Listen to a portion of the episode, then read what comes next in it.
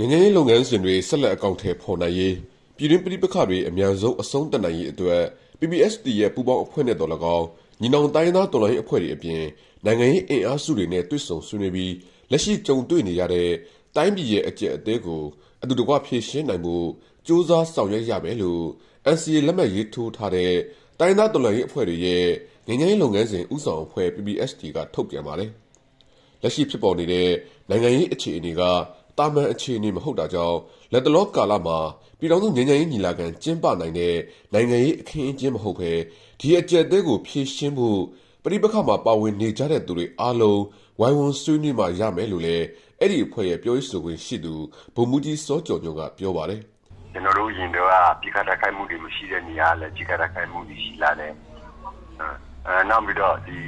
ကျွန်တော်တို့တိုင်းသားလက်နက်ကန်ဒေသဘက်မှာဆိုရင်လည်းပဲဒါပြီးတဲ့အတိုင်းပဲကျွန်တော်တို့နိုင်ငံတွစ်ဆိုဆွေးနွေးမှုတွေကိုလုပ်နိုင်လောက်တဲ့ဟိုဒီဒီငြိမ်ငြိမ်အခြေအနေလေးတွေအရင်အလိုမျိုးကျွန်တော်တို့မရှိခဲ့ဘူးပေါ့လေဆိုတော့က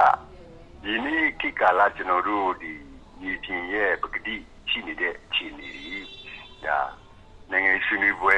တစ်ခုလုပ်နိုင်လောက်တဲ့ဒါမှမဟုတ်ညီချင်းဆွေးနွေးပွဲတစ်ခုလုပ်နိုင်လောက်တဲ့အခင်းအကျင်းမဟုတ်ဘူးဆိုတာကိုတော့ဒါကျွန်တော်တို့လည်းအကုန်လုံးလက်ခံ ထားပြီးသားဖြစ်ပါတယ်နားလည်မှုဖြစ်ပြီးသားဖြစ်ပါတယ်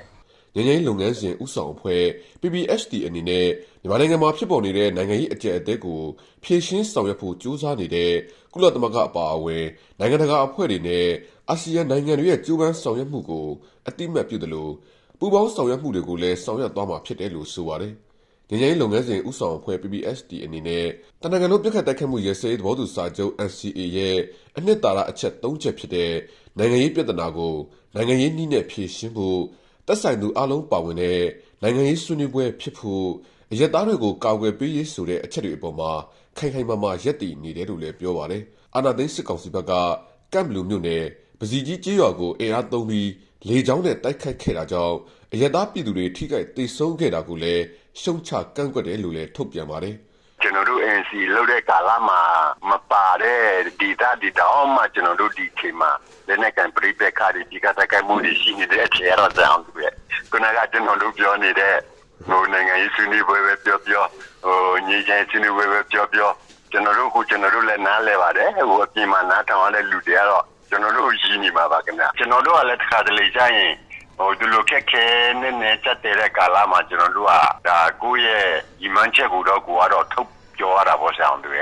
အဲတိုးတော်လည်းပဲဒီလိုပုံမှန်နေထားမဟုတ်တဲ့ခင်းချင်းတစ်ခုအမှတော့ဒါခက်ခဲတဲ့စိတ်ခေါ်မှုတွေကတော့ကျွန်တော်တို့အတွက်အများကြီးရှိတယ်ဆိုတာတော့လက်တွေ့ရှိတရားပါ ဧပြီလ20ရက်နေ့ကနေ21ရက်နေ့အထိကျင်းပပြုလုပ်ခဲ့တဲ့တနင်္ဂနွေပြစ်ခတ်တိုက်ခတ်မှုရဲစည်းသဘောတူစာချုပ် NCA လက်မှတ်ရေးထိုးထားတဲ့တိုင်းသားတော်လှန်ရေးလက်နက်ကိုင်အဖွဲ့တွေရဲ့ PPSD အစည်းအဝေးကိုအာဏာသိမ်းစစ်ကောင်စီနဲ့ဆက်လက်ဆွေးနွေးနေတဲ့တိုင်းသားတော်လှန်ရေးအဖွဲ့တွေသာတက်ရောက်ခဲ့ပြီး KMU, CNF နဲ့ ABSDF တပ်ဖွဲ့တွေကတော့တက်ရောက်ခြင်းမရှိခဲ့ပါဘူးကျွန်တော်အောင်သူပါခင်ဗျာ